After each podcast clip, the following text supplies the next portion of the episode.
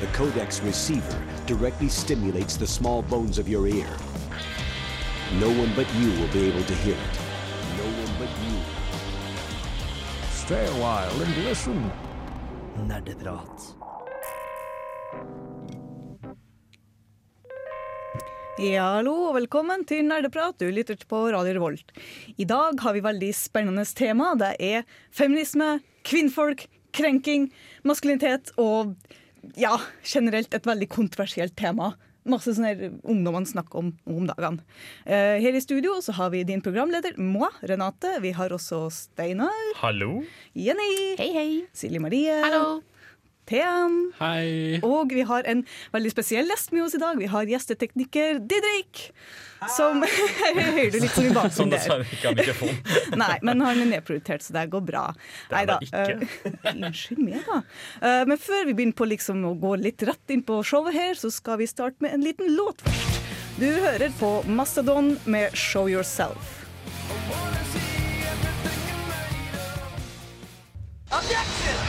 Du hører på Nerdeprat. Ja, det stemmer det, vet du. Uh, skal vi se, vi er jo et gamingkulturmagasin, gaming-kulturmagasin, så da lurer jeg på, folkens, hva er det vi har spilt siden sist? Steinar Memmen. Ja, hva er det jeg har spilt siden sist, da? Det har gått mye i, uh i mobilspill. Jeg har eh, Mobilspill? Ja, mobilspill, ja. ja. Jeg har spilt uh, Plant vs. Zombies 2. Er det en toa? det er en toer. Jeg har ikke prøvd eneren, så jeg skal ikke si for mye om eh, eneren, men toeren syns jeg er stas. Men Steinar, mobilspill er jo ikke spill. TM, gå hjem. Jeg tror Steinar ble triggered, for å si det Jeg sånn. er kraftig triggered. Ja, Nå skal jeg lage lommehusk til neste gang. Nei, det skal jeg ikke. Jeg kan ikke love det. Jeg tør jeg ikke å love. det går bra, Steinar. Hva skulle du si? Eh, utenom det så har jeg plukket opp Minecraft igjen. Bare for å teste litt Siden vi hadde en sending forrige gang om survival-spill. Mm. Så hadde jeg litt lyst til å prøve meg på Minecraft igjen, siden jeg hadde lagt det, lagt det litt på si Ja, såpass lenge. For du er jo veldig inn i Minecraft-verden. Du, du spiller jo og lager egen server, etter som jeg forsto. det? Ja, ja, jeg var veldig inne før, i hvert fall. Nå har det gått mer over til andre survival-spill som har litt bedre grafikk. Um, men utenom det så har jeg, har jeg vært ganske stor innenfor det. Jeg bygde jo maps for folk og litt sånne type ting. Det har jeg jo nevnt tidligere. Mm. Så ja, det er et av mine favorittspill her i verden. Ja, så artig. Kreativitet. Ja, det er veldig viktig. Enn du, Jenny, hva har du spilt siden sist? Jeg må gjenta meg sjøl fra noen andre sendinger og si at jeg har bare spilt mer Horizon Zero Dawn. Og nå har jeg også rukket level-capen, og jeg har funnet ut at jeg må på level 50. Og jeg er ikke ferdig med spillet, så nå får jeg bare masse experience som jeg ikke får brukt til noe, og det gjør ganske vondt. Er det verste som kunne skje. Jeg visste ikke at det var level-capen. Jeg bare yes, level 50, og så bare var det ikke noe mer der. Så, men, okay. Veldig trist. Level cap det er liksom hit, men ikke lenger. Nå er det liksom ja, topp level, gratulerer, ferdig. Ja, De har ikke lagt inn mer mulighet for å level opp ennå. Har du også spilt Horizon Zero Dawn? Jeg har veldig lyst. oh, Jeg har veldig lyst oh no. men jeg har ikke det òg. Jenny, vil du si at det er verst å ha en for lav level cap eller en for høy level cap?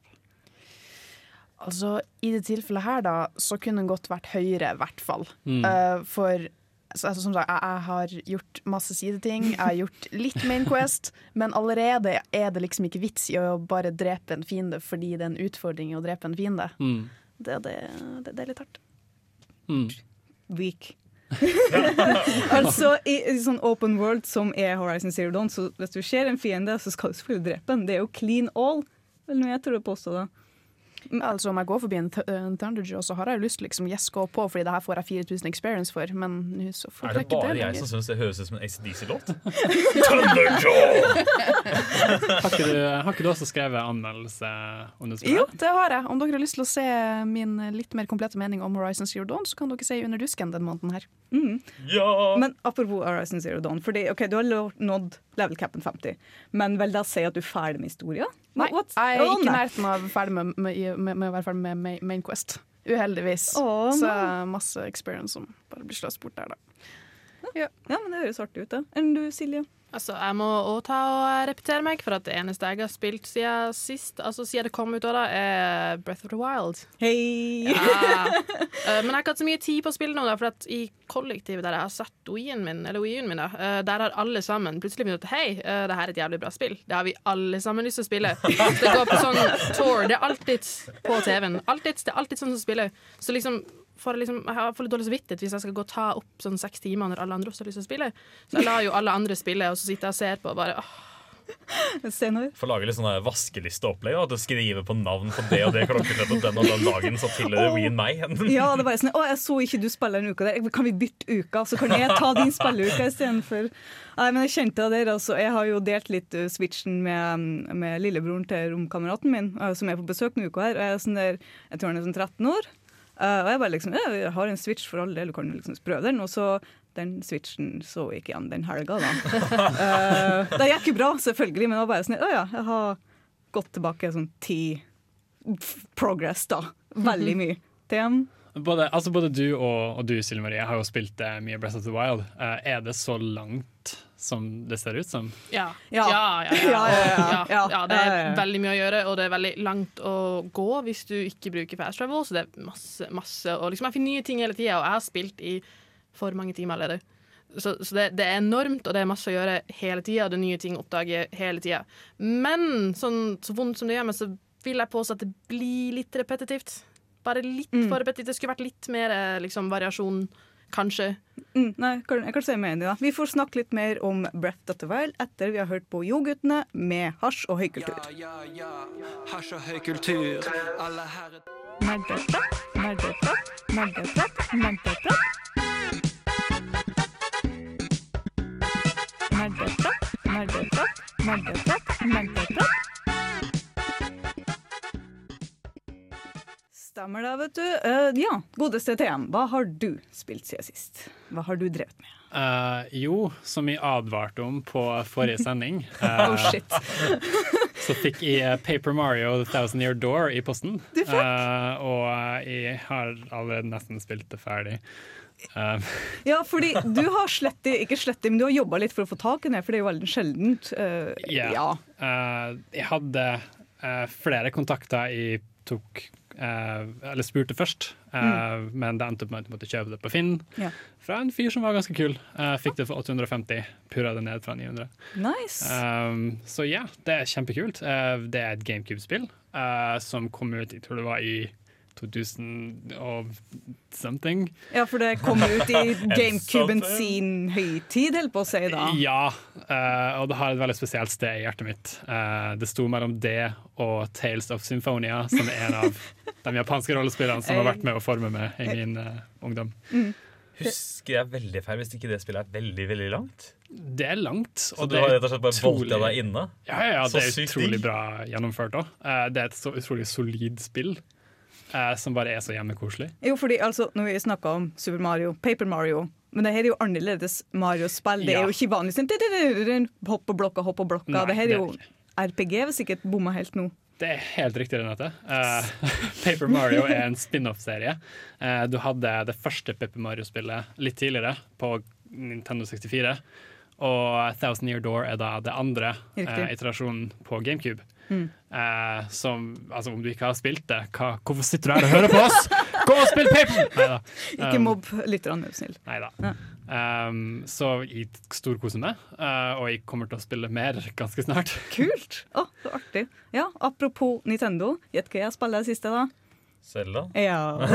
Og, og OK, Selda er én ting. Herregud, det her er et fint spill, men jeg er veldig enig med Silje Marie at det blir veldig repetitivt. Veldig sånn der, eh, litt sånn der jeg, Først var jeg sånn der Å, jeg må liksom utforske hver minste stein, jeg må gå hit uansett. Så bare nei, fast travel, fast travel, gidder ikke, har ikke tid. Jeg vil gjerne komme videre.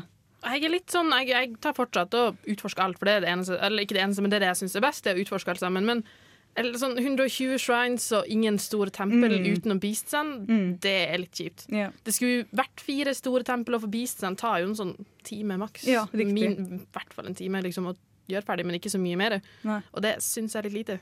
Uh, også, ikke akkurat Selda, men jeg har funnet noe spennende med Switch. Du kan ta den med overalt. You guys know that. Yeah. yeah. Jeg kan ta den med på do. Nei! Jeg har funnet ut at Jeg har jo liksom OK, jeg må på do. Liksom satt meg og bare No, wait a minute! Jeg tar den med, og så bare setter jeg der, og bli der. Senere. Så nå sier du at bare alle mobilspill kan dø fordi Ja. du har Faen. Yes. Didrik? No.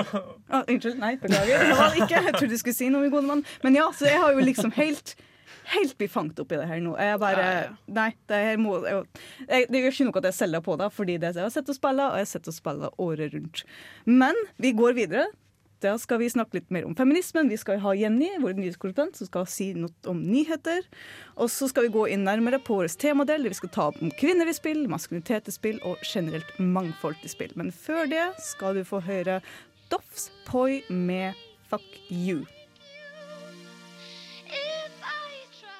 Nerdenytt. Stemmer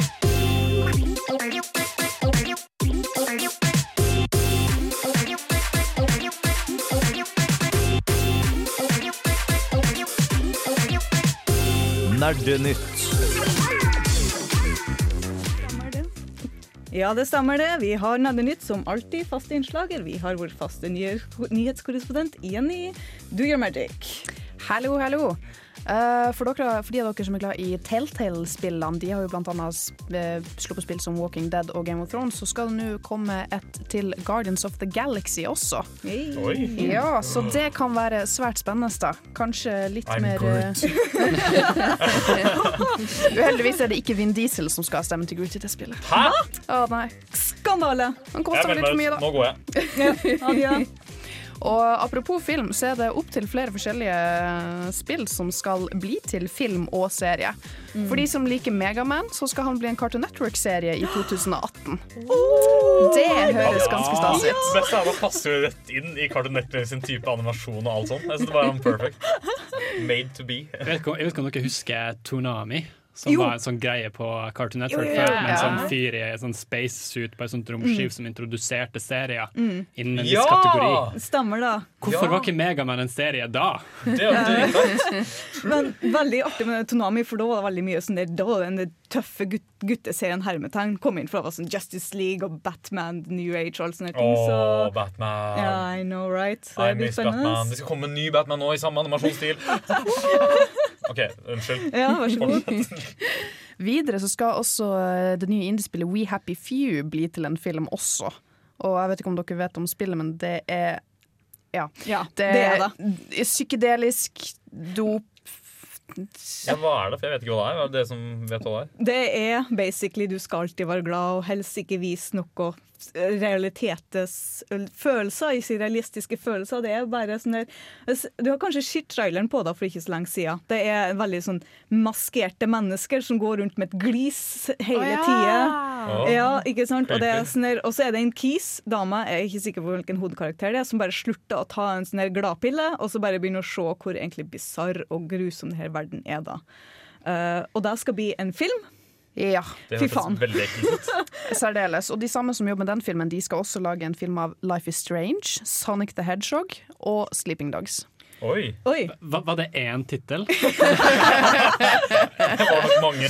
Oh, I wish. Fire forskjellige titler Ja, der, ok. altså. Eh, og for de som er veldig glad i uh, FPS-spill, så skal også Call of Duty bli en årelang filmserie à la det Marvel gjør nå. Uh, Altså, Ja. mange, altså mange filmer? Altså, Ja, ja. snakker vi Å, dæven døtte. Men why? Hvorfor? Hva Vi er storyen? Er ikke det bare en militærfilm? Standard som alt annet militærfilm? Ettersom jeg forstår det, så er jo krig. Og så krig, og så kriga litt. Og så Headshot! No scope! 360 no scope! masse teabagging og så videre. Ja, nei, her står det at den første filmen kan komme så tidlig som i 2018. Og de har planlagt videre storylines etter det også. For jeg, antar, jeg har ikke spilt så mye av det sjøl, men jeg antar at det kanskje har en sammenhengende linje eller noe. Jeg vet ikke. Ja, jeg vil ikke tørre å påstå så jævla sammenhengende. Nei, Noe av blir det, det Noen av historiene er sammenhengende, men utenom det så syns jeg er ganske bøtt opp. Men, men jeg, jeg skjønner ikke tanken. Dette blir jo bare en standard generisk militærfilm med litt ekstra headshots. Og det selger jo, så no det er jo bare tanken. Ja, Men, men jeg skjønner ikke, fordi OK, det, det virker som nå er jo Disney skal liksom reanimere alle teg, teg, liksom tegne sine, tegnefilmene sine om til live action, og nå virker det som spillerne sine plukka opp det bare ah, Ja, vi har jo spill som er jo på en måte tegnefilm, og vi kan gjøre en film av det! Ja! Live action everything! Why? Men, men, men, men, men altså Jeg skjønner at noen tenkte at Assassin's Creed Det har vært kult å lage en film om. Ja, vi så ikke det. Ja. Ja, ok, Det gikk til helvete, men jeg skjønner ideen. Det var en tøff idé. Yes. Men ja, nei, jeg veit ikke. Jeg syns det høres skummelt ut. Nei, jeg er enig. Skummelt, skummel tid i møte med Spillnytt og Nerdenytt og alt sånne ting. Men før vi går til virkelig skumle greiene, så skal vi høre på Oh, om forlatelse, det er det ikke. Ja, det er 40 sekunder igjen. Å ja, Eh. Men jeg jeg er veldig gira på å se Life is Strange Sonic the Hedgehog. Det høres ut som en dritbra film. Altså, Life is strange. Absolutt. Gotta go faster, faster! Gotta go fast because life is strange. Men vi, vi, apropos Bomberman, da. Hvilken nå, Jeg kommet dato på det? Er? Megaman. Megaman, ja. 2018 på Cartoon Network. Skulle opprinnelig være nå straks på Disney Channel, men det skjedde ikke. Um, men den Sonic-filmen, er den live action? Jeg ser for meg Beauty and the Beast bare blå. Oh, no, no, no, no. Åh, live action Sonic the Hedgehog.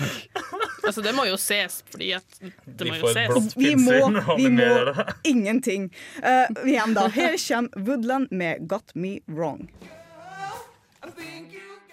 Are you ready?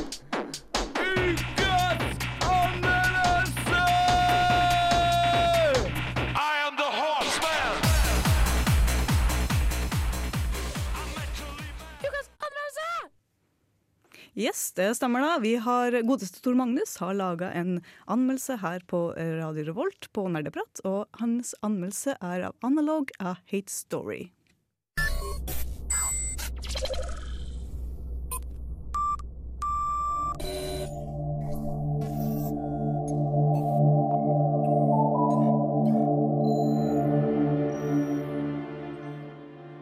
I det 25. århundre sendte jorda ut et romskip med mennesker på stjerneskipet Mugungwa. Dette romskipet hadde som mål å etablere den første interstellariske menneskekolonien. Under reisa mista de kontakt med jorda og forsvant sporløst i rommet uten å nok en gang nå sin destinasjon.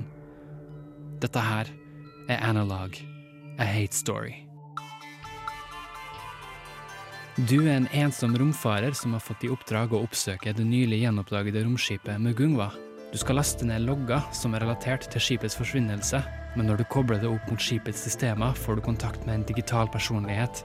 En kvinnelig AI som går ved det koreanske navnet Hyuna.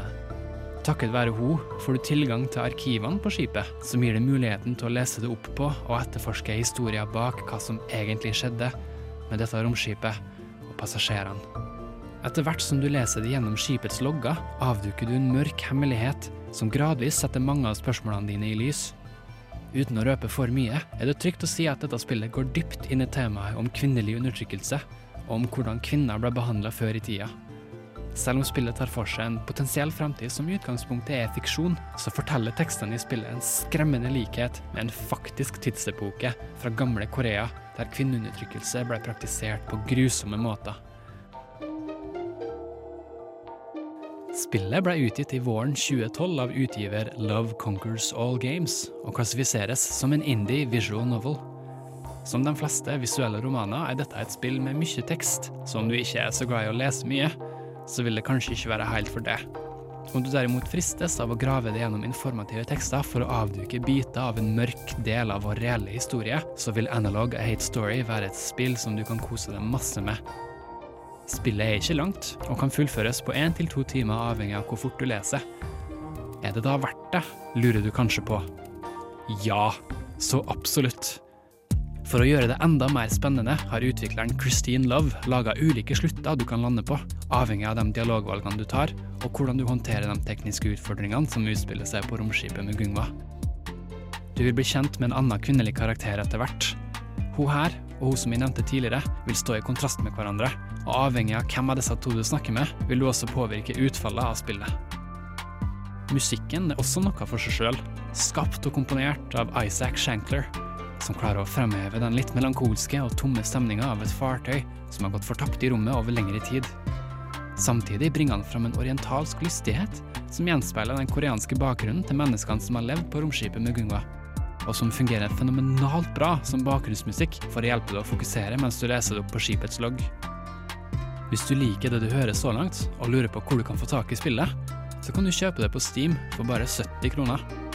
Skulle du være en som meg, som elsker å få hendene sine på de originale lydfilene, så kan du også kjøpe spillet sammen med musikken i en bundle for bare 86 kroner.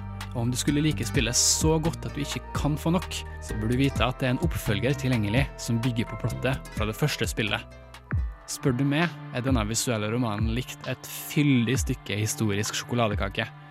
I tillegg til sin dype og interessante historie klarer spillet å presentere seg sjøl på en virkelig sjarmerende måte, til tross for den dystre sannheten til innholdet i tekstene. Analog A Hate Story er verdt hver eneste krone, og jeg anbefaler dere på det sterkeste å spille dette spillet.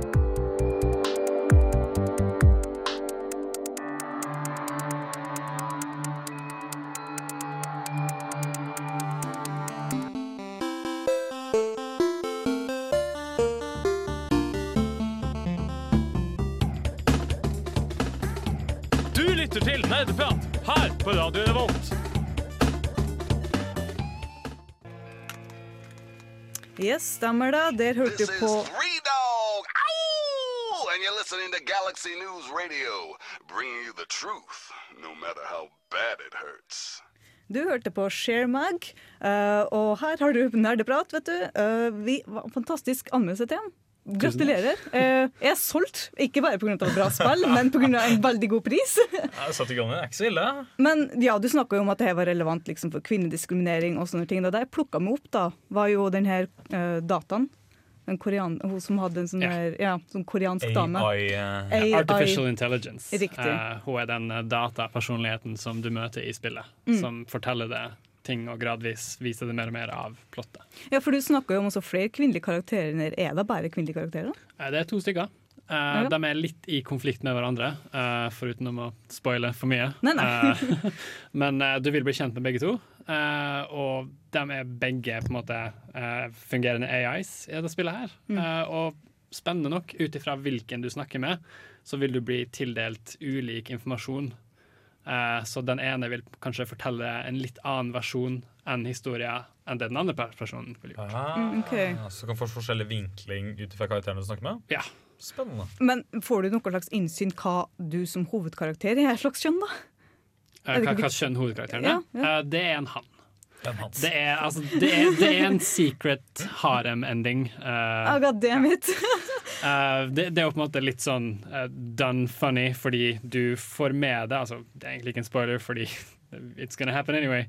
Eh, Du får med deg denne karakteren eh, på skipet ditt etterpå, fordi du laster oh. ned AI-en, eh, og du kan på en måte velge uh, ut ifra hvilken vei du tar i historien, hvem av disse to du vil ha med deg. Ah. Men hvis du gjør den secret-endingen, så kan du få med begge. Ja. Oh, Er det mange endinger til spillet? Uh, jeg, tror, jeg vet ikke. Det er i hvert fall én ending per uh, jente. Så to. uh, secret ending eh, og kanskje en dårlig ending. Eh, Har, har du prøvd ikke- forskjellige endinger, eller? Jeg har ikke fått alle, okay. Eh, så, men det er flere, i hvert fall. Så det har jo en ganske bra replay value. Ja. ja, for det var det jeg skulle stille og spørre om, om det var Mm. verdt å plukke opp flere ganger enn én gang. Absolutt. Ja. For 70 kroner i seg selv, det er jo ikke dyrt da, for et spill som er verdt å spille om igjen og om igjen. Det er absolutt verdt det. Eh, jeg tok jo opp One Night Stand tidligere, og det har replay value. you know what I'm saying? Oh no, Tam, don't you dare. Men ok, fordi, hvordan kom du inn i det spillet? i det hele tatt? Var det liksom bare, å, jeg må bare finne ut sånn eh, feministisk spill? Og bare, ja, damn, der har vi det liksom. Var det bare at du dukka over det? Funny story. Uh, jeg var faktisk uh, i uh, rommet på Nei da. Eh, det ble anbefalt av meg av tidligere Kontroll Alt Elite-prater, Bård Restad. Eh, fordi vi prata litt før, og han introduserte meg til det. Eh, jeg spilte det, og jeg digga det. Og det ble aktuelt nå, mange år senere, så det passa jo dritbra. Aha, så, Så, en del ja. år siden du spilte? Spilte du det igjen før anmeldelsen, eller? Det gjorde jeg. Er det langt? Eh, nei, du kan fullføre det på to-tre timer. Aha. Kommer an på hvor, rakt, hvor kjapp leser du er. Mm, Det høres jo ut, da. Men bare for et kjapt spørsmål, du sa jo at det her var liksom med tanke på kvinner og kvinner framskritt i eller Liksom, er, det sånn, er det sånn at det er samfunnskritisk spørsmål til å diskutere hvordan kvinner blir behandla i spill, eller er det litt mer meta på det, eller er det litt som er det sånn ro, Roser kvinner i spill, eller er det litt sånn der ja, nei, kvinnfolk egentlig bør bare oppføre seg som et harem? Eh, altså, karakterene i spillet du blir kjent med, blir vel ikke akkurat behandla på noen spesiell måte. De, de bare er der, de er hjelpsomme, sier Mm. sitt og dønn. Uh, men det historiske fenomenet de tar for seg, det er jo ganske alvorlig. For det var jo snakk om uh, en tid i Korea Ja. der kvinner faktisk Altså, hvis du snakka out of turn, så ville du miste tunga di. Ja. Enkelt og greit. Du skulle gjøre det som blir sagt. Skal du gifte deg med den mannen, så skal du gifte deg med den mannen. Mm. Eh, og det er jo brutalt og grusomt. Nei, jeg vet det. Apropos betalt og grusomt, vi skal komme nærmere på det her på vår eh, temadel, men først da skal vi høre I hvitmalt gjerde med Slått ut.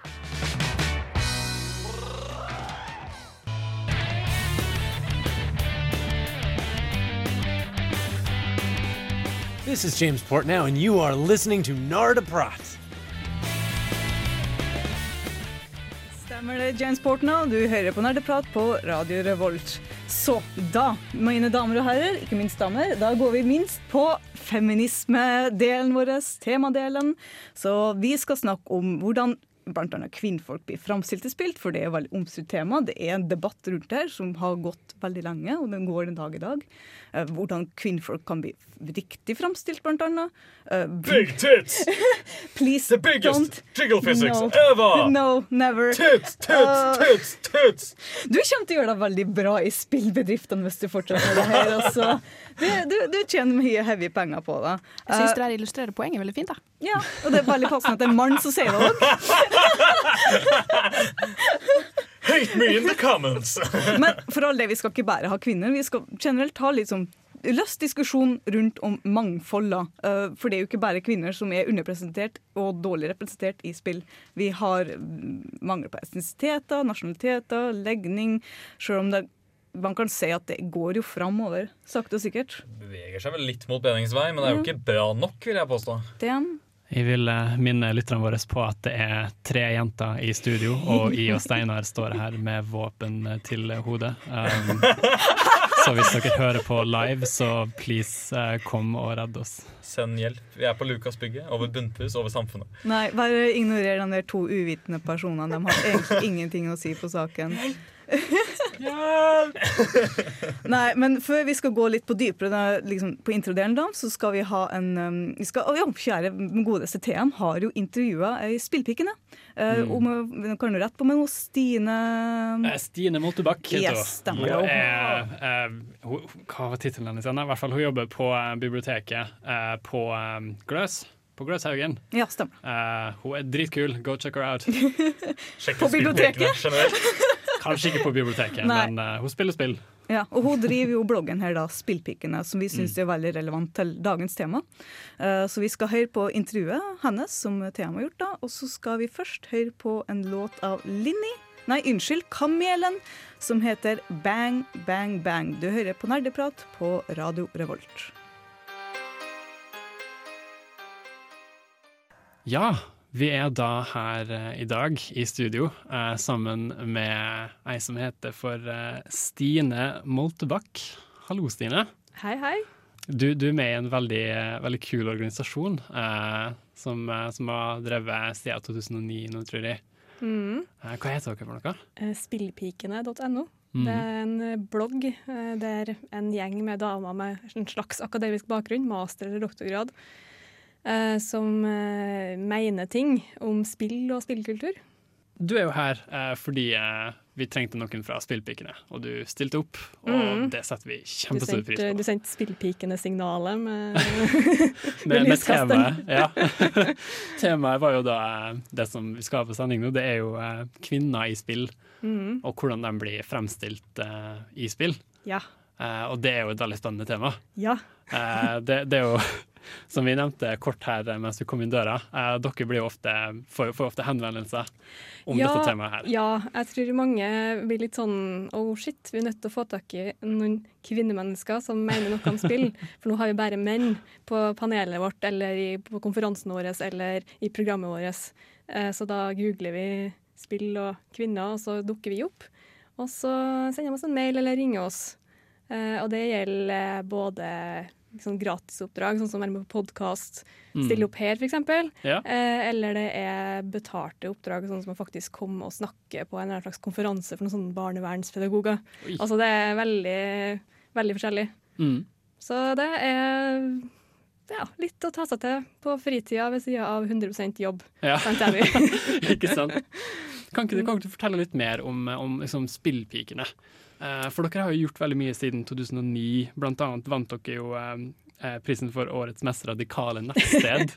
ja, det var en liten overraskelse. Ikke sant? Ja, det er tydeligvis noen hos Radikal portal som, mm -hmm. som likte oss. som ville gi oss den oppmerksomheten. Vi, ikke, vi kjente jo ikke til nettsida engang. Mm. Men uh, ja. hey, Men uh, for all del, vi setter pris på all oppmerksomhet. Uh, som, som jeg sa til deg tidligere, da, at det er et over, rent overskuddsprosjekt. Vi tjener jo Mm. litt penger på det, men det er ikke nok til at det alltid er verdt innsatsen. Men det er jo fordi at vi, vi elsker spill og spillmedier, og at vi faktisk er genuint interessert da, Mhm. i hvordan spillmediet utvikler seg, og hvordan spill diskuteres.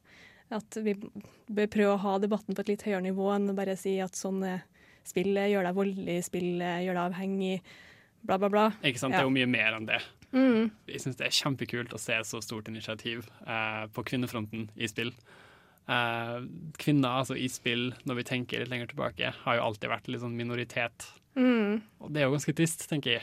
Eh, Ja, eh, all den tid såpass mange damer spiller spill, så er det veldig trist, faktisk. ikke sant? Mm. Eh, det er jo ofte historier der kvinner har prøvd å komme litt inn i, i spillgruppene eh, og har bare møtt motstand. Mm. Eh, kanskje til og med trakassering, eh, og blitt dytta ut, da, mer eller Mm. mindre. Ja, det er jo det som er det største problemet, egentlig. Mm. Altså, det er jo ingen som kommer inn i stua di og slår kontrolleren ut utover hendene dine. På kjøkkenet er kvinne. Det er jo ikke noe sånn. Nei. Men, men eh, nå er ikke jeg en online-gamer, da. Jeg er en usosial spiller. Men jeg kjenner mange som er det, som Mm. trives godt i World of Warcraft og Hero of the Storm osv.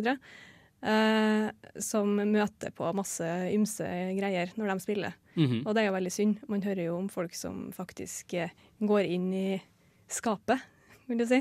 Mm. Eh, at de prøver å skjule kjønnet sitt. Men det gjelder òg andre spillminoriteter, f.eks. hvis du har en annen hudfarge enn drivhvitt, eller hvis du har en annen seksualitet enn heteroseksuell, så prøver man ikke å akkurat reklamere for det, da, fordi da får du så masse tyn. Ikke sant? Og det er jo egentlig veldig trist. For det. utelukker jo, altså Man får jo mindre lyst til å spille når det er det man møter, da. Mm. Nesten så jeg har lyst til å spørre deg, eh, hvis du skal dra fram en eh, kvinnelig spillkarakter Nå, nå er jo det her nerdeprat, så vi må jo nesten eh, dra inn litt kvinnelige spillkarakterer. Eh, med tanke på temaet som er hvordan kvinner blir fremstilt i spill, Mm. er det en spesiell kvinnelig karakter du tenker er et godt eksempel på gjort riktig i spill? Ja, nå nylig så har jeg akkurat spilt Night in the Woods, Mm. og jeg digga det. Og der er jo faktisk eh, hovedpersonen, May, hun er jo faktisk Hun blir jo fremstilt som kvinnelig, Mhm. men du ser det ikke, du aner det ikke før de omtaler henne med kvinnelige pronomen. altså, det er en katt. En svart katt uten noe særlig sånn Det er ingen sånn kjønnstrekk, ingen sånn Disney-katt med sånn lange øyenvipper og sløyfe i håret og sånne ting. Det er liksom bare en rett opp og ned katt med en kul genser og en attitude. Det, I det spillet så er det et eh, homoseksuelt par eh, som der det ikke blir problematisert. Det kommer ikke en sånn 'å, vi må kjempe for vår kjærlighet'. Det er liksom en helt naturlig standard. To personer er sammen, møter utfordringer som to personer som er sammen, gjør. Ingen gjør noe stort poeng ut av det. Sammen med meg, og hun eh, viser seg å være eh, bifil. Mm. Men det er ingen som sier 'å, jeg er bifil', og nå skal jeg snakke om hvor vanskelig det er. Det er kun at 'å ja, jeg var sammen med en fyr der', og her møtte jeg ei søt dame'. Det er sånn naturlig, da. Det, det, det høres sånn- høres utrolig deilig ut, egentlig. ja, det er sånn, er sånn jeg syns det skal være. Det skal ikke være sånn eh, Det er som veldig mange frykter, da. eh, I diverse nettfora som snakker om Eller snakker nedsettende om dem som etterspør litt større variasjon. Det er at å, vi skal ha politisk korrekte spill der du får dytta PK-budskapet ned i halsen. Mm. Eh, men sånne spill er jo helt forferdelige. Man vil ikke ha sånne spill. Som er sånn Å, se hvor inklusive vi er, se hvor eh, utrolig varierte karakterer vi har. Det er jo mer at det skal, være, det skal komme naturlig, og det Mm. syns jeg det spillet greide veldig godt. da.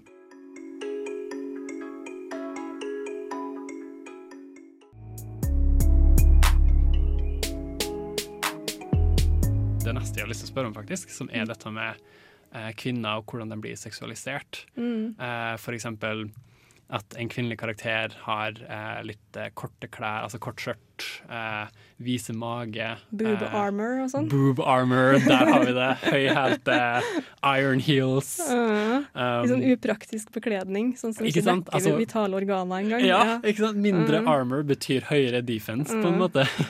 Ja. At, at liksom, Hvor går grensa, på en måte? Eh, hva er det som på en måte vil skille eh, Hva er det som vil gjøre en bra feminin karakter, kanskje, uten å seksualisere den så mye? Ja, altså det, det er jo ikke det at man ikke skal kunne være feminin. Altså Mm. det å være kvinne, det er jo så mangt. Samme som det å være mann er så mangt. Man kan jo se så forskjellig ut, og man kan man liker forskjellige ting. Man kan ha veldig maskulint uttrykk, man kan ha veldig feminint uttrykk. Så det er jo helt greit at noen er stereotyp feminin, Mm. men det er det herre følelsen av at det er kun her, denne karakteren er kun lagd for at denne lille gruppa folk skal synes at det er eh, ja, noe å putte i det spank-bank, for å si det sånn. Altså, altså, Spank-bank er riktig. ja, ja, eh, for det, det føles ganske kjipt da, eh, som spiller eh, å få sitt kjønn representert på den måten. Mm. De, de har kanskje ingen personlighet eller er bare en litt sånn dum, enkel karakter. De har mm. ingen kompleksitet, og den har ingen funksjon, Mm. bortsett fra å være pynt. Det, Det er det, det, det, det, det er problematisk. Det Men er altså, så, klart, så klart, man skal, man skal jo kunne vise eh, seksualitet, altså sensualitet i spill, men det er måten det gjøres på, burde vært gjort litt mer smart, da. Det er veldig spennende at du tar det opp, faktisk. Eh, fordi det er noe som kalles eh, Bechdel-testen. Mm. Du har hørt om den? Ja da. ja. eh, og for dere som hører på, så er jo dette her en test eh, som veldig mange filmer og, og spill må gå gjennom, da. Eller måte kan dras gjennom for å se om du består kravene, som er at du må ha i hvert fall Jeg tror det er to kvinnelige karakterer med, eh, og at de snakker med hverandre. Og at de snakker om noe annet enn hovedmannen, da. Eller mm. andre menn. Eh, og det er overraskende få eh, spill og filmer som faktisk eh, kommer gjennom denne testen. Mm. Ja, nå problematiseres jo uh, Bechdel-testen. En del av det er, det er ingen sånn perfekt universell Mm. test, men, men det er en veldig sånn god måte å liksom kaste lys over hvor dårlig det står til. Det er jo det. Eh, at en kvinnelig karakter ikke har sin egen motivasjon, er det kun for å få Eller som en funksjon i helten Mm. sin historie. Og det, det er det jeg syns Night in the Woods gjør bra òg, da. At uh, alle karakterene har sine egne greier. Alle har Mm. sin egen personlighet. ulike motivasjoner. Uh, så det syns jeg flere utviklere kunne vært flinke på. Jeg føler ofte at det er bare sånn cardboard cutouts som står der liksom rett opp og ned og sier Mm. samme tingen om igjen og om igjen. og om igjen. Ikke sant. Og det gjelder jo ikke bare kvinnelige karakterer, det er jo generelt sånt NPC-problem. At de, de, har, de, er ikke, de er ikke et ordentlig, et ordentlig karakter, da. Jeg er helt enig. Mm. Uh, det er faktisk tatt opp på en veldig spennende TED-talk uh, av Colin Stokes, der han tar litt opp uh, hvordan på en måte via, via media, da, eh, hvordan f.eks. unge gutter og jenter ser på dette her, og på en måte lærer seg hva som er normalt. At f.eks. som unge gutter og unge jenter, så kan du f.eks. se på, på gutteprogram som sier Bayblade eller andre sånne ting, og på en måte du lærer deg at sånn er det. Eh, og det er ikke noe forskjell om det er gutter eller jenter som ser på det, men har du en jentefilm, så vil f.eks. ikke gutter se på det, fordi de vil på en måte ikke få noe ut av det. Mm. Eh, og at det på en måte burde vært eh, et større oppmerksomhet på eh, at hvordan vi kanskje kunne få kvinner mer med på det her, da, og ikke lære dem å bli eksempel damsels in distress, eh, Mm. side characters. Eh, og for å ta Beyblade da, som et eksempel, så er jo alle karakterene i serien her gutter. Jeg tror det er én jente der, eller noe sånt. Token-jente. Noe sånt, ja. Eh, Så man lærer jo på en måte at her er det bare gutter, Mm. og det er dem som blir prioritert. Ja, Uh, og det er jo ganske trist, egentlig. det er det. Absolutt. Um, og som du sa, det at det er jo Alle kjønn ser jo på Bayblade. Jeg Mm. ser på Bayblade, jeg er litt for gammel, tydeligvis. Vi har vært yngre en gang før, så ja. uh, men det er det at man, man deler opp ting i kjønn. Så klart kan man jo finne kjønnsmessige preferanser, men som regel så er en bra ting en bra ting. Mm. Og det ser man jo så ofte når det er snakk om sånne guilty pleasures, og menn skal komme med sine guilty pleasures, og de kommer snikende med litt sånne Å, jeg vet det egentlig er en jenteserie eller en jentefilm, men jeg koser meg nå godt. Sånn type bronies. Uh, Ja, ja. Altså, det er så trist det skal være sånn. Da. Hvorfor kan Mm. ikke folk få lov til å se på det de vil, og hvorfor dumme ned ting for ett kjønn, forenkle det for ett kjønn når man kan ha litt flere perspektiv og kanskje inkludere alle. Mm. Det, det er jo nok, nok eh, konflikter i verden. Hvorfor kan man ikke greie å samle seg om litt sånn felles Ja. Ja, nei, jeg Skjønte ikke hva jeg skulle enig. ha med resonnementet, men det var en tanke bak. Tusen hjertelig takk for at du var her, eh, Stine. Det har vært en glede å få lov å intervjue deg. Eh, Eh, Sjøl takk. Det er veldig stas å bli invitert. eh, kanskje vi ses en annen gang. Det håper Det jeg. håper jeg, i hvert fall.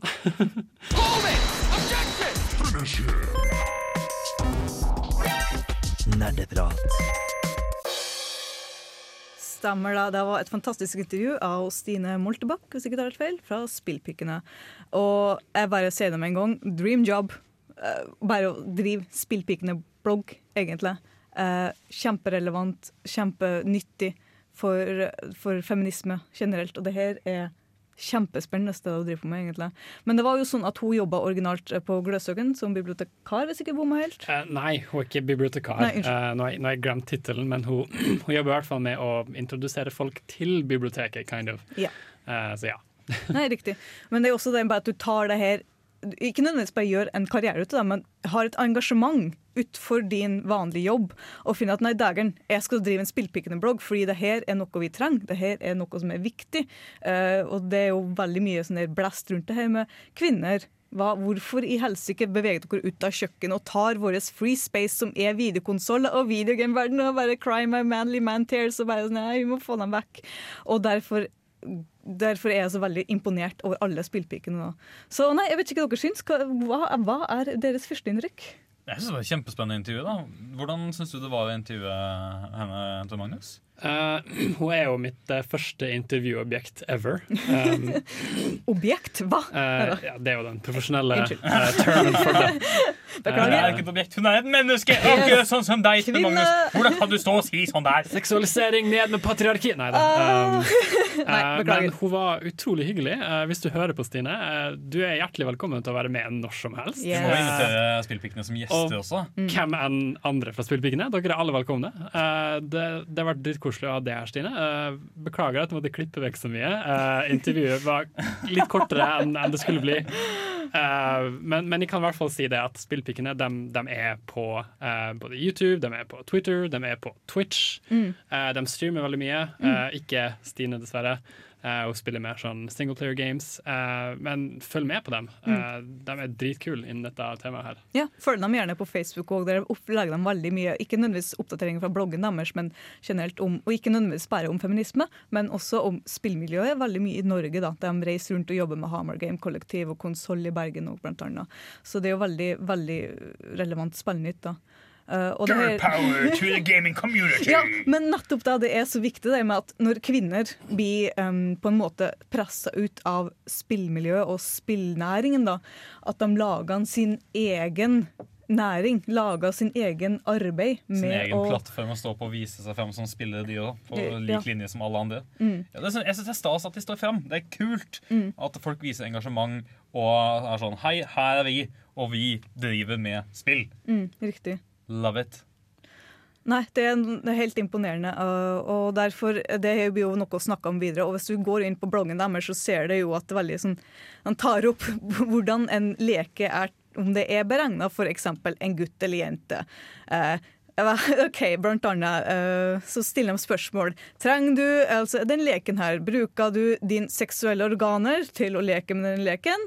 Hvis ja, dette er ikke egnet for barn. Hvis nei, det er den, eh, da er det et barneleke, så go for it. Ja, Jenny? Akkurat det syns jeg jo er så relevant, for her om dagen når jeg var på GameStop, jeg sto i kø, jeg skulle kjøpe et spill. Foran meg i køen så var det foreldre, da, og de skulle kjøpe et spill til, eh, til ungene sine. Mm. Og de spurte det om uh, at de hadde funnet frem et eller annet spill da, til han gutten. Og så spurte de han i kassa ja, har dere noen spill til jenter. Og jeg sto der bak. Jeg, jeg, jeg, jeg gjorde jo ingenting, fordi sosialt akseptabelt menneske. Ja, sånn ja, sånn. Men, men det var sånn, jeg hadde jo bare lyst til at altså, alle spillene her er for jenter. Du må ikke ha ting som er rosa og som det er en hest på, liksom. Sånn basically så er de fleste spillene for jenter. Om det er egnet for barn, er noe annet. Eksempel, da tenker jeg på som vold. Så klart. Eh, blod, gørr, skremsel. Men de fleste, det er hvor mye det er egnet for gutt eller jente, er du sjøl som bestemmer. Um, Og det er noe av det her mer uh, spillpikene tematiserer da, og snakker om i intervjuet. Jeg bare ser for meg Jenny med massivt med skytespill og GTA bak i køen her. Bare sånn Det her er jentespill! Skremme livskiten ut av foreldre. Og så bare anstått på games og bare du, du hired, kom hit, vær roman. Ja, men det er, noe, det er også veldig mye opplysning for uh, foreldre, da. For det er dem som har makta. Eh, det er jo dem som begynner tidlig av å skjønne barna. Liksom, Nei, det her skal du spille med, Jens, og det her skal du spille med Jenny. ikke sant? Så derfor blir det jo veldig sånn Ha det her. Liksom bare, nei, ikke, ikke tenk det. Det går egentlig fint. Tenk mer på er passer det her for barn enn stedet for at det her passer seg for enkelte kjønn.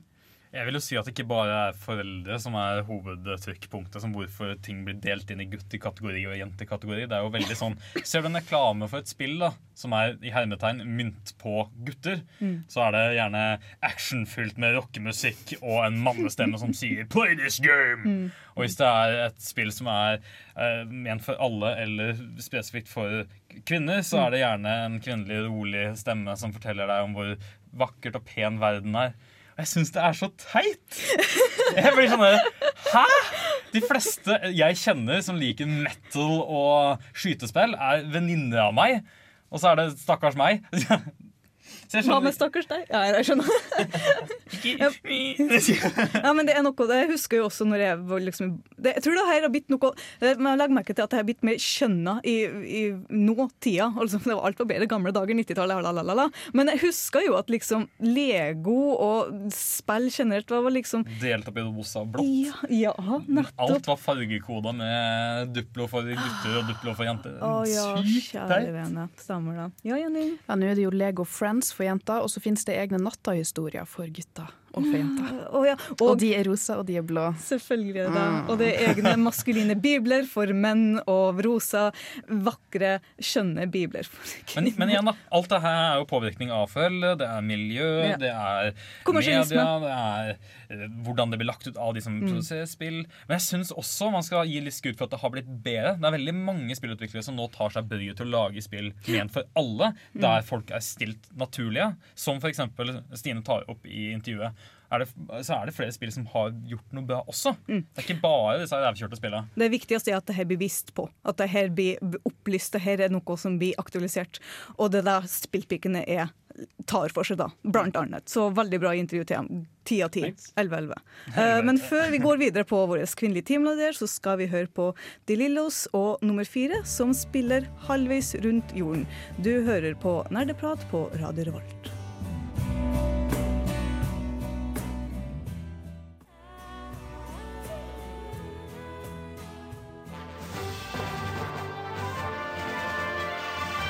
Du hører på Nerdeprat på Radio Revolt. Stemmer det. Du hører på Nerdeprat, og nå går vi rett på kvinnedelen. Kvinner, kvinner, kvinner, all the way. Så mitt favorittspørsmål i hele dag, og apropos favoritter, hva er deres kvin favoritt kvinnelige karakter? Steinar, my boy. Ah, du begynner med meg! Panikk! Nå trodde jeg skulle få tenketid og hele pakka igjen. Tenketid, Eh, her! Nei, men. OK, Min men favoritt kvinnelige Jeg syns kanskje Selda. ja. Og hun er, for jeg føler at Selda ikke er den typiske damsel in distress. Um, Jeg, jeg syns ikke hun er det. Fordi hun, har, hun har med seg pil, pila som tar livet av ganen. Hun er akkurat like viktig, spesielt når vi snakker om uh, Windmaker. Ja, Hun er så badass som Tetia. Hun er så badass som prinsesse. Nei, jeg tuller bare. De burde ha spilt De burde ha spilt favorittspillet mitt nå, Går syns jeg. Går bra. Silje? Altså, ja, det er det du sier. Altså, enkelte versjoner av Zelda er jo Ja, jævlig som, ja, det skal jeg Ja. innrømme. Men, men i, nyere, i nyere spill Nå skal jeg ikke påstå at Windwaker er en nyere spill, men jeg syns i hvert fall der, da. Ja, ja. Tetia og Selda Zelda er fantastisk bygd karakter i det spillet. Vi må jo ikke glemme at Selda Zelda i Ocarina of Time eh, var jo for cred som chic. Ja. eh, som gikk rundt og lærte Link Badass! alle de sangene, låtene, Ja. eh, som eh, han måtte kunne for å komme seg rundt omkring. Og til slutt selvfølgelig ga han eh, lyspilen. Skyward Sword hun er på sitt eget kvest for å gjøre sin del av å redde verden. Det er dritfett! Hun er en drittøff dame. Ja, for så vidt. Uh, ja. Sure. Bare bortsett fra at alle Zelda-spillene går ut på at vi skal redde oss som Link. Men anyways, hun er en veldig kul kvinnelig karakter. Jeg er enig i det. Jenny. Uh, nei, i lys av mine nylige spillerfaringer så går jeg for Aloy i Horizon Zero Dawn. Sterk dame, kan stå på egne bein. You go, girl. Hva? Tøft, tøft. Silje Marin? Um, jeg står liksom på litt sånn tverrpunkt. Altså, enten så må du bli Samus, Ja. eller så blir det Bajonetta. Ja, ja, ja. ja, ja. Ja, Bajonetta fra Bajonetta. Ja, Bajonetta fra Bajonetta. Og Samus fra Metroid. Mm.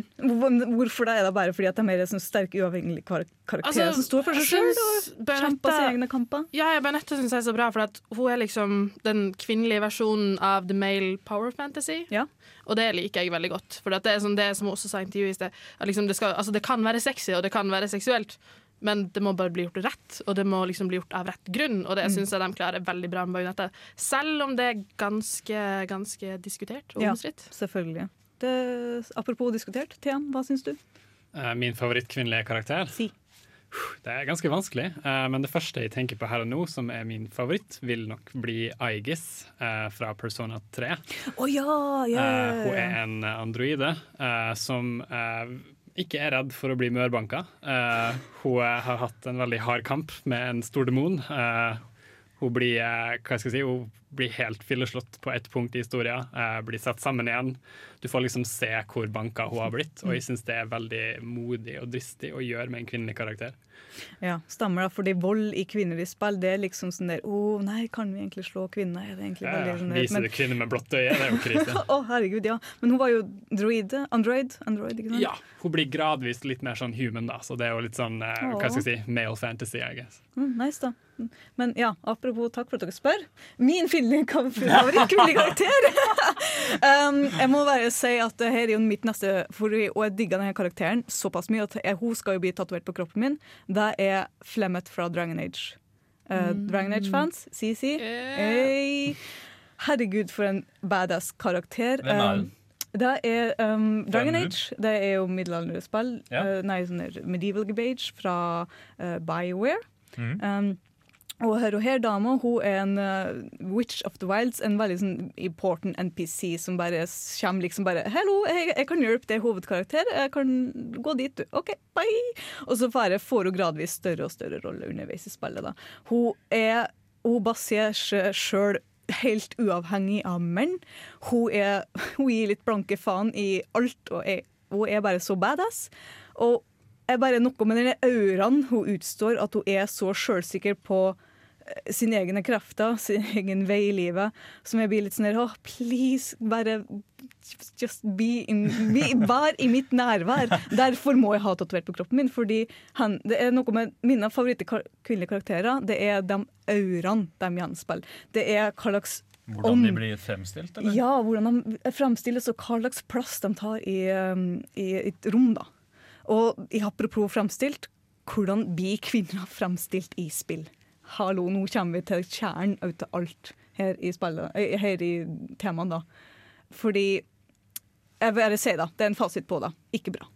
Ja, for jeg skal ikke spørre hva, dere, Vi har jo tre jenter her i studio. Hva tenker dere om hvordan kvinner blir fremstilt i spill? Kan vi begynne med deg, eh, Silje Marie? Altså, Det viktigste for meg er at det er variasjon. Uh, altså, altså Når man skriver en kvinnelig karakter, så er det viktig. Altså, skriv svake kvinner, skriv sterke kvinner, skriv sexy kvinner, skriv stygge kvinner. Skriv, skriv alt, bare variasjon. For at kvinner er mennesker, uh, så gjør akkurat like mye variasjon i dem som man gjør i de mannlige karakterene. Mm. Og ja. Nei, men jeg er helt enig, for Mange har den misforståelsen at tror at oh ja, så vi skal bare gjøre alle kvinner sterke, alle skal liksom være dritkule imba og sånne ting. Nei, nei, nei. nei. Bare ikke gjør dem ensformig, Steinar. Ja, Så, så det, det ønsker ikke at det skal være enten en, bare en sterk kvinnelig karakter eller bare en svak kvinnelig karakter? Jeg ønsker litt alt mulig bare for å se litt mer av hvordan alle kvinner blir fremstilt? Ja, bare sånn alt, altså, du finner jo alle typer ja, ja, du finner jo alle typer mannlige karakterer i, altså, i litterære verk, i, altså, i alt. Mens det er veldig flatt egentlig på kvinnefronten. Og så har de da har vi lenge misforstått at ja, ok, hvis vi skal skrive kvinner, så må vi jo istedenfor å skrive ned damsel in distress, så må det jo være noen som er kjempesterk og problemfri og bare sånn eier alt, liksom. Men det blir jo like kjedelig og flatt. Det Mm. gjør det ikke noe bedre. Jenny? En ting som jeg også synes er interessant med det her med sterke kvinner, det var det at uh, jeg hadde nylig sett alle filmene av Berserk-animen. Gud. Og der er det jo sånn at uh, der er en kvinnerolle som blir framstilt som kjempesterk. Hun kan stå på egne bein, hurra hopp, men allikevel så er det hele tida hun som må bli redda. Mm. Og akkurat det blir jo en ganske negativ ting, for da har du jo prøvd å gjøre den gode tingen, men så allikevel så er jo litt sånn damsel distress gang på gang på gang. Sånn, så mye at han ene fyren i filmen kommenterer det. Ja, nå har du redda to ganger, hun er to ganger allerede. Ja, og det sier jo litt av for det er veldig sånn der, De bare teaser veldig med å si ja, nei, her er dama her, hun kan stå på egne med ingen fare her i gården. Ja, men å, det her blir litt urealistisk. folkens. skal ikke bare gjøre helt maktesløst da, og få dem hvor mange Ja, gjør han liksom guts sier at meg, nei, han kommer ikke Gutsu kommer og redder dagen her. Og det er, det er noe Fordi det er en fasit på det. Fram, kvinnfolk blir som oftest i spill framstilt fra the male gaze. Fra mannfolkets synspunkt, fra mannfolkets perspektiv. Veldig mye av kvinner Altså igjen, veldig mye bra kvinner blir skrevet, men veldig mye blir ensidig forma fra sine manns håp, drømmer, eh, fantasier, da, senere. Hva, tror, bare sånn kjapt, hva er det dere tror gjør det? Eh, Er det at det er menn som skriver historien, eller er det rett og slett bare uvitenhet eller press fra utenom? Jenny? Jeg tror det er fordi sex selger. For å være right. veldig straight forward. Der fikk vi den. yeah. Jeg tror det er litt sånn miks av altså, det som har vært normen, og at folk ikke helt vet hvordan de skal skrive en, eh, altså, en kvinnelig karakter. Fordi Mm. de glemmer det at eh, kvinnefolk av og til liksom Fordi det er ikke blitt gjort, og så tenker man OK, ja, men da må jeg konse hardt, og da går det greit. Men før vi går videre dypere på det her, så skal vi høre Flake med Chunks.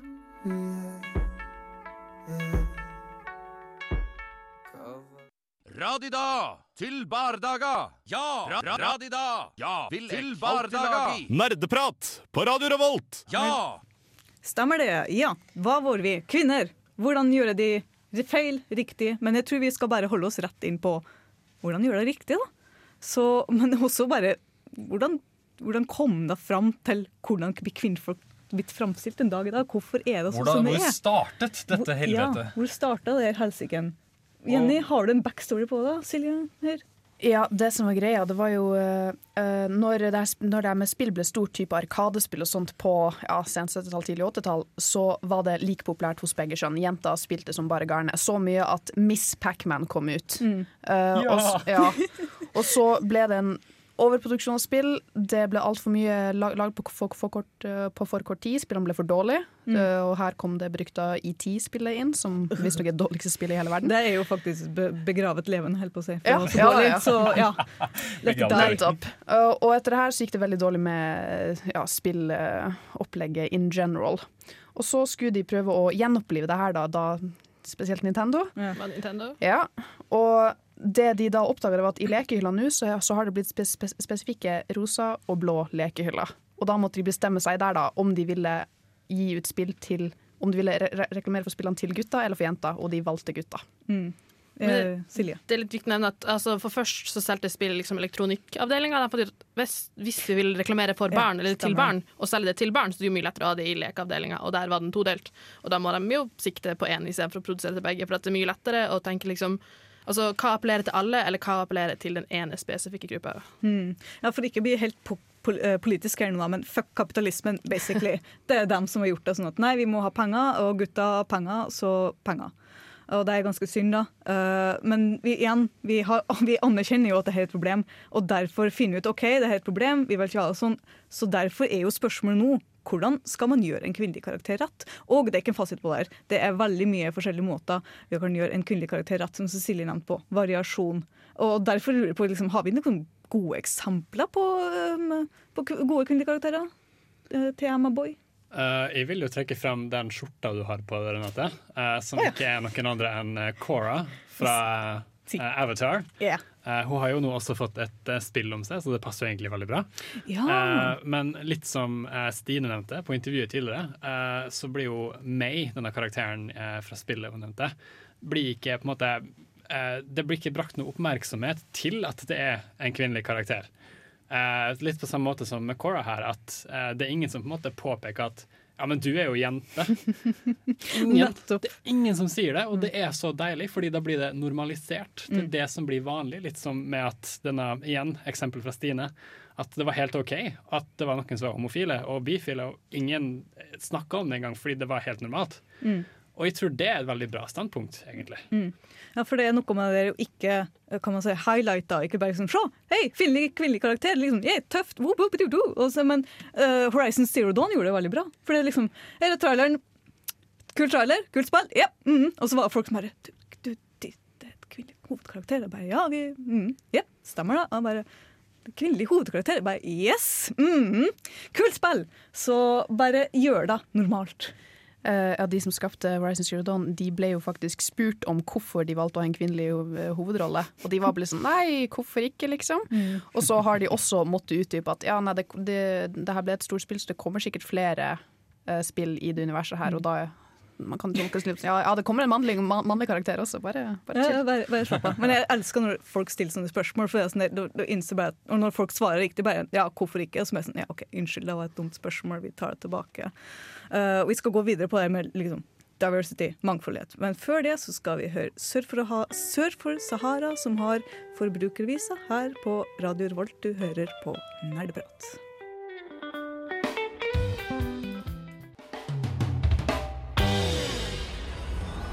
Du lytter til Nerdeprat fra Radio Revolt. You're listening to Nerd Talk from Radio Revolt. Stemmer det. Vi har jo snakka veldig mye altså, Nei, vi har hatt veldig mye kvinnefokus i det siste, um, som er jo for så vidt bra. Tits. Men ja, takk, Steinar. Har jeg gjort feil? Nei. Var det ikke tidssending jeg kom på? Ah! Tekniker det- kaster penner i studio! Apropos tids. kjeften din. Uh, for generelt, hovedfokuset er jo liksom Feminismen står jo for likestilling, mangfold, diversity, everything. Så det er jo ikke bare kvinner som er automatisk er lik eh, forskjellighet. da. Vi har jo hva fader, legning, som det var i Night of the Woods for snakk om. Vi har jo raser, vi har religion, vi har Det er så mye mer man kan ta ut av. Eh, og der òg igjen feila spillbransjen litt, da. Eh, særlig når det gjelder Triple A Games, som er jo oftest en straight white male dude som er the male lead. Eh, kult, da, men ikke en norm. Eh, så ja, har vi noen liksom, baktanker, har vi noen ideer der som er jo ikke bare ikke er bare straight white male dude. Ja, vår kjære tekniker. Watchdogs 2. Det er kjempekult at de har fått en uh, mørkhudet. Uh, den var først hvit fyr fra Chicago, men spillet nummer to har eh, en uh, mørkhudet mann. Ja, ja, Det er veldig faktisk. kult. Fortsatt mann, da, men nei da. Jeg tulla, tulla. nei, men det er jo det er jo et steg i riktig retning, for det er jo også en trippel A-game. Det er jo veldig populært. Uh, og jeg også kom på, kom på top of my head. Vi snakka jo om uh, Telltales her tidligere i dag. Uh, de har jo The Walking Dead, det første spillet. Uh, svart mann igjen, da. Og oftest Og i spill så blir svarte menn veldig og voldelig ute av seg. Det er fordi noe med den svarte stereotypien og veldig mye sånn det er negativt ladet, da. Men i Borderlands Nei, unnskyld, ikke Borderlands. I Walking Dead så får han en veldig god farsfigur. Han er kjærlig, han er en leder. Han tør å si ifra, han tør å ta ansvar, og det er veldig imponerende å se, egentlig. Og nei, jeg digger det. Så ja, har dere noe top of your head? Diversity in games, Silje Yo? Altså, Jeg spiller ikke spillet sjøl, men jeg har jo sett karakteren Overwatch har jo veldig stor variasjon i ja, er altså, hudfarger, kroppsfasonger og typer type karakterer. Mm. Jeg, som sagt har jeg ikke spilt det sjøl, men Zarya. det er veldig mange kule karakterdesign, og det virker i hvert fall veldig variert og fint. Ja, Steinar? Jeg, jeg tror jeg vil dra fram uh, ikke min favorittkvinnelige karakter, fordi jeg er en diva-spiller. Og diva er ikke et godt eksempel i det hele tatt. Men diva. Saria er en jævla kul karakter fra Overwatch. Mm. Muskuløs bodybuilder fra Russland med en laserkanon. Og er dritfet. Det er så, så bra med Saria, fordi hun spiller på en stereotypi som ikke opprinnelig i Russland i det hele tatt. Når de introduserte den Saria-karakteren som en muskuløs, veldig butch dame til Russland, så var det sånn her Nei, det er ikke sånn her vi liker kvinnfolkene våre, Sprotskij. Det er litt sånn nå, do, nå, nå.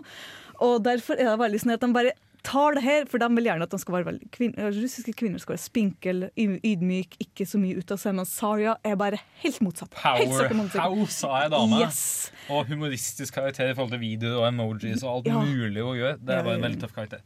De, uh, bra du nevnte Overwatch, men jeg vil at de skal ha labelen 'They Tried'. Okay. Um, kvinnfolkene er fortsatt veldig male gaze. Ja, det er dessverre. For all del, de har jo veldig mye for, forskjellige typer, men Jeg føler at de også har noen som er naturlige laga òg. De fikk jo litt tyn for et kostyme for karakteren May. Mm. Eh, fordi det ga henne mer former enn det karakteren originalt hadde. Dette viste seg å være en glitch fra deres side, ikke en mening i det hele tatt.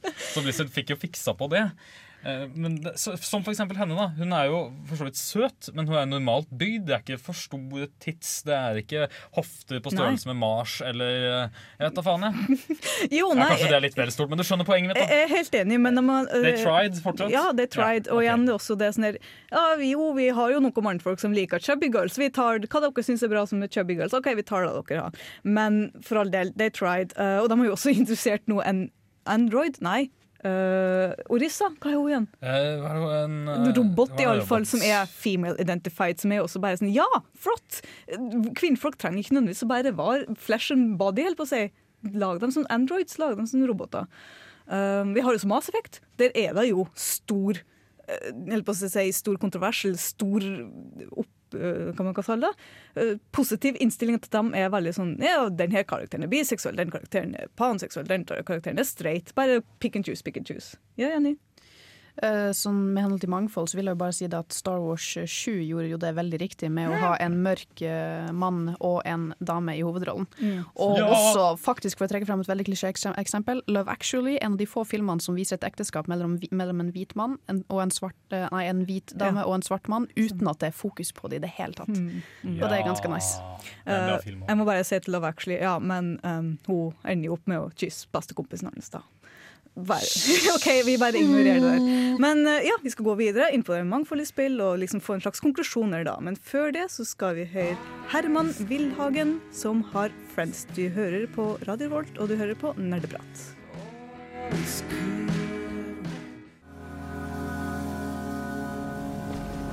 Incoming! Du hører på Nerdeprat! Ja, stemmer det, vet du. Og nå, apropos krigssone, nå skal vi gå inn på et veldig ladet tema. Uh, det her var et uh, veldig stort hva man kan kalle det, kontrovers for sånn ca. 2014, blir to år siden. Gamergate, si. Um, jeg har Tro meg, jeg har prøvd å sette meg inn i det her, og jeg har fått destillisert det fram til at det var um, ei kvinnelig spilldesigner som har laget et spill. Og det var en mannlig spilleanmelder som skulle anmelde spillet. Uh, og så ble det uh, rykter om at hun hører her, hun har logget med han mannlige anmelderen for å få gode uh, anmeldelser. Og det var jo tydeligvis ikke sant, han har aldri skrevet en anmeldelse, og sånne ting da, men poenget var jo at det, det, det, altså det her handla veldig mye om rundt om est, ikke estetikk, etikk i journalisme, i spilleanmeldelser, i spillejournalisme. Og det er også bunnet grunn og fram til at um, Kan man ikke si kvinner i spilleanmeldelser, kvinner i spillmiljøet, kvinner som står fram, og reaksjonen på at de står fram. da. For Anita Sarkinson lager jo veldig mye sånne Feminist Frequency, som lager video om, som rett og slett kritiserer spill. Sier at det her spillet her er dårlig framstilt av kvinnelige karakterer, og folk blir sånn um, Excuse me, how about no? Og så blir de sinte. Og så seksuell trakassering, og jeg skal ta livet av det. Og du får hetsing uten de grader, da. Så Gamergate handler jo rett og slett om reaksjon. Det handler jo om hvordan kvinner blir opp, liksom, oppfatta i internetten.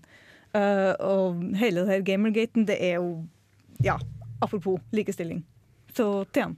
Uh, hva var det du sa Gamergate var igjen? Var det et online forum, eller? Nei, Gamergate kom ut fra Stephen Colbert, som bare hashtagga Gamergate. Fordi Så det er en hashtag? Det er en slags hashtag at det handla om denne kontroversen som var hos Zoe Quinn, spilleanmelderen, og Nei, Zoe Quinn, spilleskaperen, og han her spilleanmelderen, da. Og da kan man si ettervirkning av det her, da. For mm. da ble det jo at alle hun, Anita Sarkisen var jo en veldig stor Ikke så stor, men hun laga veldig mye YouTube-videoer som var kritiske spill. Og da kom jo masse sånn her Reddit, 4chan, veldig mye internettforum for å attache seg på henne. Og Ja. gjorde hun til et offer for de kvinne. Etter det jeg forsto, da. Og jeg vet ikke, Har du fått noe mer inntrykk av det, Jenny? Jeg skulle snakke litt om det. Å nei! Du har, vi snakka litt om det i pausen, at du har lest litt om det og fikk sånn inntrykk at uh, Prøvde å få et slags Ja. inntrykk hva Gamergate var. Ja, nei, det som uh, spesielt er greia, at det er jo det at om En av fokusene har vært at om kvinner tar ordet, om de mener at okay, det her det, det er kanskje litt feil at kvinner helt til blir fremstilt som eh, i offerrollen, eksempelvis, så har det skjedd at flere menn har tatt imot det her. Mennene har ikke sett på det her som et problem. Mm. De kaller kvinnene for «Åh, er en social justice warrior, eller for det har blitt et veldig negativt begrep nå, det, det å ønske likhet for alle. Uh, og da er det greia med at ikke bare hvordan kvinner blir fremstilt, men også hvordan de blir tatt imot når de uttrykker uh, et ønske om en Mm. forskjell på hvordan ting er nå. Ja, De bare generelt har et forslag, og så bare folk bare Nei, det er jo ikke noe å endre på, for jeg ser ikke noe problem med det.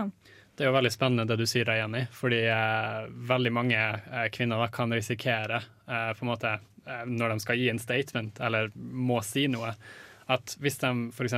uansett hva de gjør, så vil, vil det få stempelet feminist Mm. eller et eller annet, fordi eh, hvis du prøver å takle det på en rolig måte, så blir du sett på som submissiv. Hvis du prøver å være litt mer opphissa og prøver å være sterk, eh, så blir du sett på som aggressiv og osv. osv. Så jeg føler at det, kvinner blir satt i en veldig bås her. At uansett hva du sier, Ja, så det- er du fucked. Ikke sant? Og det som, det som er så viktig, er at det er jo det at mennene også hjelper til med å ta tak. At mennene sin også, at menn også setter seg litt inn i det her, uh, leser litt om det og tar ordet for kvinnene, sånn at andre menn faktisk hører på. Ja, stemmer da. Og det er bare generelt det vi tar opp i dag, da, at vi opplyser dette temaet og bare sier til mannfolk, kvinnfolk, bare ikke gi opp og fortsatt å slåss for denne viktige kampen. Eh, vi skal snart avslutte, men før det skal vi høre Gorillas, som har Andromeda. Du hører på Nerdeprat på Radio Revolt.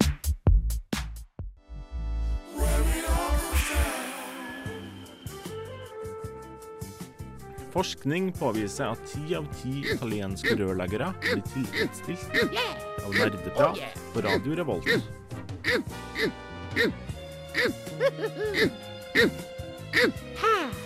Radio Revolt. Marios favorite. Stemmer det, Mario. Takk skal du ha. Så, hva, mine medmennesker, medkvinner, mannfolk?